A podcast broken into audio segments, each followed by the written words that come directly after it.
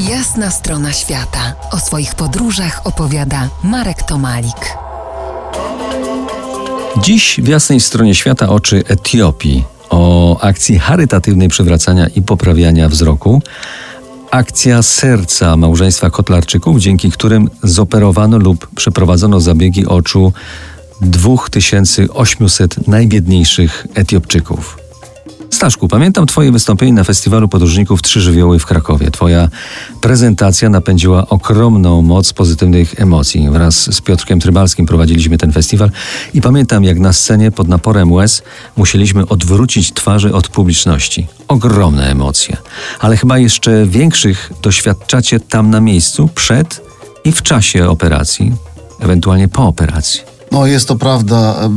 Niesamowicie wspominam mm, ten pokaz na, na trzech żywiołach e, w Nowej Hucie. No to było coś niesamowitego. To był dla mnie pierwszy taki, taki publiczny występ duży, gdzie po prostu pamiętam ze, ze stresu, z tremy coś porobiłem z pilotem, w ogóle wyłączyłem projektor, ciemność nastała.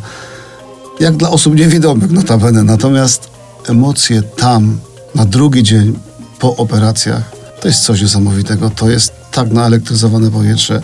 Ludzie, którzy niejednokrotnie nie widzieli 20 lat, po zdjęciu opatrunku przez lekarza, przez pielęgniarki, z reguły to działa zawsze tak samo.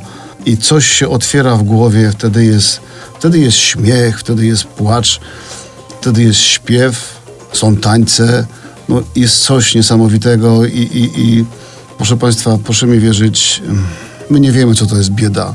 Ci ludzie naprawdę nic nie mają i, i sposobem na podziękowanie to jest na przykład całowanie stóp. Ja pamiętam kiedyś, będąc między tymi ludźmi po zdjęciu opatrunku, kobieta mi się rzuciła i, i, i chciała mi stopy całować. Ja pamiętam z Twojego powieści, jak y, wspominałeś, że ktoś chciał Ci coś y, głowę zmniej, zmniejszyć. Znaczy, tak to by się wydawało. No, to była sytuacja w ubiegłym roku, gdzie mężczyzna, ojciec trójki dzieci, nie wiem, może miał 35, 37 lat, trudno mi jest ich określić wiekowo, po zoperowaniu drugiego oka, na trzeci dzień, jak wszedłem na salę, gdzie, gdzie on siedział, no powiedzieli mu, że to, że to dzięki nam, że tutaj ci biali, e, krótko mówiąc feręcz, w Etiopii na białych się mówi feręcz, nie tak jak w Kenii, w Tanzanii muzungu, zaczął mnie tak za głowę z obiema rękami e, obejmować i, i, i do góry te, te ręce ściągać i tak ku niebu wysyłać.